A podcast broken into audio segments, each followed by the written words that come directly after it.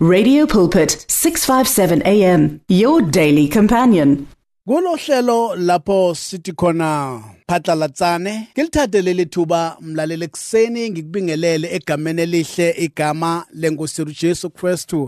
waseNazaretha kungolwesihlanu umlaleli ngiphinde ngithathe leli thuba ngibonge nakubahle enhlapho ukusibusisa ke galeli thuba. Bahle uNkulunkulu ke akubusise. Sisaqhubeka ke mlaleli nendaba yethu lapho sithi khona ukwenza okuhle kubo bonke. Doing good to all. Sibonile iviki elindlule la izwi lenkosi ebelisikhumbuza noma belisinxusa ukuba singayeki ukwenza okuhle ngokuba ngesikhathi esifaneleyo siyakuvuna uma singadangali izwi lenkosi lithi ke singakhathali ekwenzeni okuhle. Usuyabazi kabaningi abakhathele emlalele ekwenzeni okuhle. Singazi ukuthi wena ongilalele nawe awukhathalanga ekwenzeni okuhle na. Kuba namagama athize abantu abawasebenzisayo emntwini owenza okuhle. Kepha izwi lenkosi liyasikhuthaza ukuthi masingakhathali masingadangali ekwenzeni okuhle kubo bonke. Abanye baze bathi nginje nje nje ngenza ubani mina?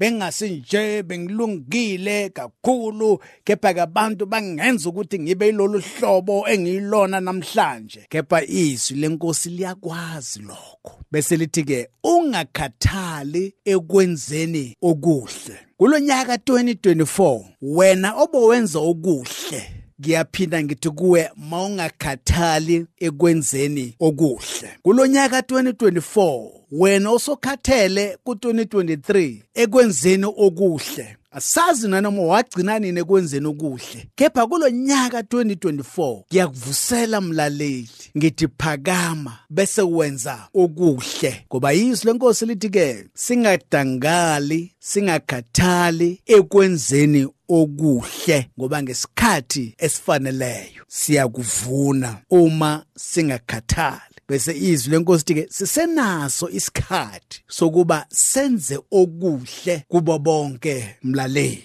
Namhlanje ake sifundeke encwadini yamaHebheru Hebrews chapter 13 mlaleli ke sifundeke kule ncwadi yamaHebrews chapter 13 ake sithi ukubheka ukuthi ke sifunde kuverse bane ake sifunde laphana kuverse 16 sizwe izwi lenkosi ukuthi lona lithini? Hebrews chapter 13 verse 16 kepha maningakhohlwa ukwenza okuhle nokuphana ngokuba iminikelo enjalo uNkulunkulu uthokoziswa yiyo now ake ngithi kuwe mlaleli uyizwe lenkosi lithi ke uNkulunkulu uthokoziswa iminikelo enjalo. La izwi lenkosi lithi ke maningakhohlwa ekwenzeni okuhle. Wenze okuhle ekhaya wenze okuhle emsebenzini wenze okuhle enkonzweni. Ngoba abanye sebaze bafika late nasemsebenzini ngenxa yokuthi babone abanye bafika late. Othi kusiza nanoma ungafika uwedwa ekseni mlaleli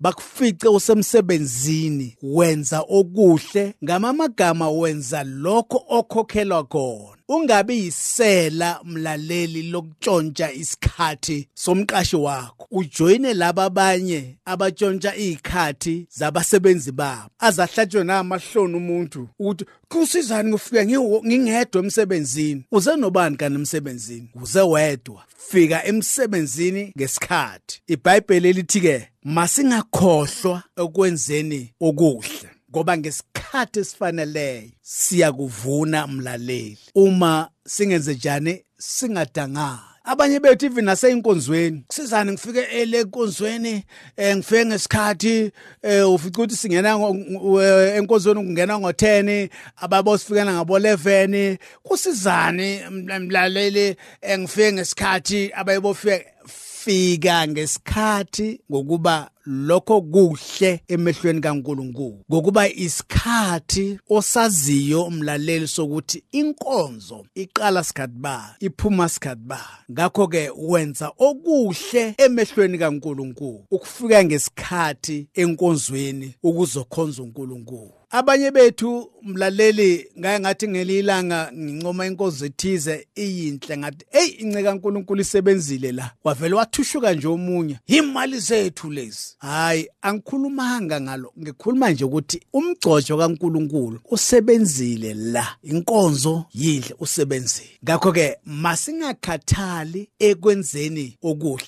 Ngamamagama umuntu ufuna ukubonga nanoma kuko konke nje yena ufuna ukubonga la ngabonga khona eh uyaziveza ukuthi phela nami ngikhona. Mawungakhathali ekwenzeni okuhle. Manje la kuma Hebrew chapter 13 verse 16 lithi ke kepha maningakhohlwa ukwenza okuhle nokuphana. Abanye bethu mlaleli size sinomkhubo omubi wokuthi uma ufuna ukupha uvela uye lapha phambili. Uyazi uNkulunkulu ungithintile bazalwane? Ukuthi ngithathe lokho nginike nanga umzalwane.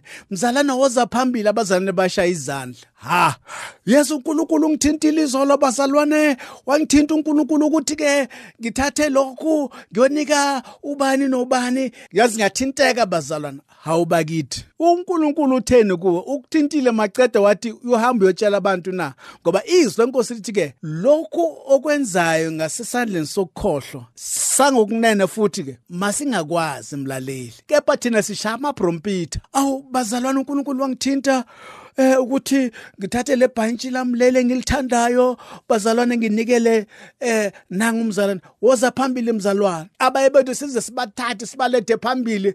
Wozani nibone ukuthi ke uNkulunkulu ungithinte kangakanani? Nani ithintekani ngomnye ngambuza ngathi hayi besathi ke hayi phela ngiyamotivate ukuthi abanye ke beze njalo. Uyamotivate nabanye futhi bakwenza the same thing lo le oyenzayo. Ukuma lapha phambili ubiza abantu ukuthi ke uNkulunkulu ngithintile ukuthi nginikele lokho nabo futhi bachubeka kanjalo uNkulunkulu ngithintile kuyoba yinto nje eqhubekayo umlaleli manje la izwe inkosi lithi ke masingakhohlwa ukwenza okuhle nokuphana ngokuba umnikelo onjalo uNkulunkulu uthokoziswa yiwo. Ukuphana. Maye abantu bayancishana ukuphana. Bese izwi lenkosi lithi ke uNkulunkulu uthokoziswa yikho. Abanye bethu asisafuna ukwenza lutho nje enkonzweni.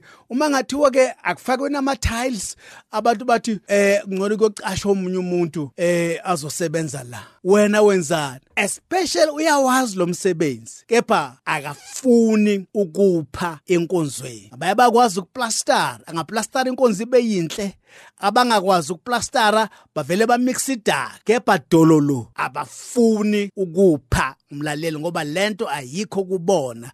Bafuna nje ukufica izinto sezi-right enkonzweni. Abaye nokuklina nje. Mlaleli ukupha lokho? Ukuklina ukuthi abazalwane bafike bathole kuhlanzekile kepha bakufuni ke lokho? Kepha kulo nyaka 2024 kwangathi mlaleli singaqhubeka siphane mlaleli. Ngesikhathi sethu siphane mlaleli. Ngoba abanye bethu uma sesivelele okunye ngenxa ukuthi besingafuni ukuparticipate uma sekuvela okunye ngakithina sifisa ukuthi ke abazalwane beze bazosiza bazophana ngesikhathi sabo. Kanti wena bohlala ubhizi njalo ungaphani ngesikhathi sakho. Awuphani ngesikhathi sakho sokuya enkonzweni uya ngesikhathi wena othanda ngaso. Awuphani ngesikhathi sakho sokuba usize enkonzweni. Awuphani ngesikhathi sakho sokuthi ke ubheke la enkonzweni ukuthi yini into edingekayo. iBhayibheli lalithi ke kepha maningakhohlwa ukwenza okuhle nokuphana. Phana ngesikhathi sakho umlaleli phana ngezandla zakho umlaleli phana ngakho konke kwakho umlaleli ngokuba iBhayibheli lithi ke uNkulunkulu uthokoziswa yilokho umnikelo onjalo umlaleli abanye bethu mlaleli siyancengwa ukuze senze izinto enkonzweni. Sincengwe emlaleli kepha ke izwi lenkosi ithi ke masingakhathali ekwenzeni okuhle futhi masingakhohlwa ekwenzeni okuhle ukuphana ngokuba umnikelo onjalo uNkulunkulu uyathokoza. Yiwo mlaleli. Hayi ke kwangathi kulonyaka 2024 uma ungasaphani nangesikhathi sakho. Ayiza abantu abaningi bancishana even nangesikhathi. Angasaphani ngesikhathi sakho? Ungasaphani even nangomnikelo? Unikele enkonzweni umsebenzi kaNkuluNkulu uqhubekele phambili. Eh, kuba nama food parcel kuba khona yonke lento umsebenzi omuhle nje okumele wenziwe yithini singabantwana bakaNkuluNkulu. Kepha ngenxa yokuthi sesikhathele abayi bethu sesikhohliwe futhi. Ivikele endlule uNkulunkulu usikhumbuzile ukuthi ke masingadangali masingakhathali kepha namhlanje futhi izwi lenkosi liyasikhumbuza ukuthi ke masingakhohlwa mlaleli asiqhubeke njalo ekwenzeni okuhle ngokuba ngesikhathi esifaneleyo siyakuvuna. Ngenxa yesikhathi ake ngithathelele ithuba ngiliphindisele kubahle bahle uNkulunkulu akubusise intambo kwezakho. The words of the Lord are words of life. Your heart is on 657 AM 657 AM radio for believers in action.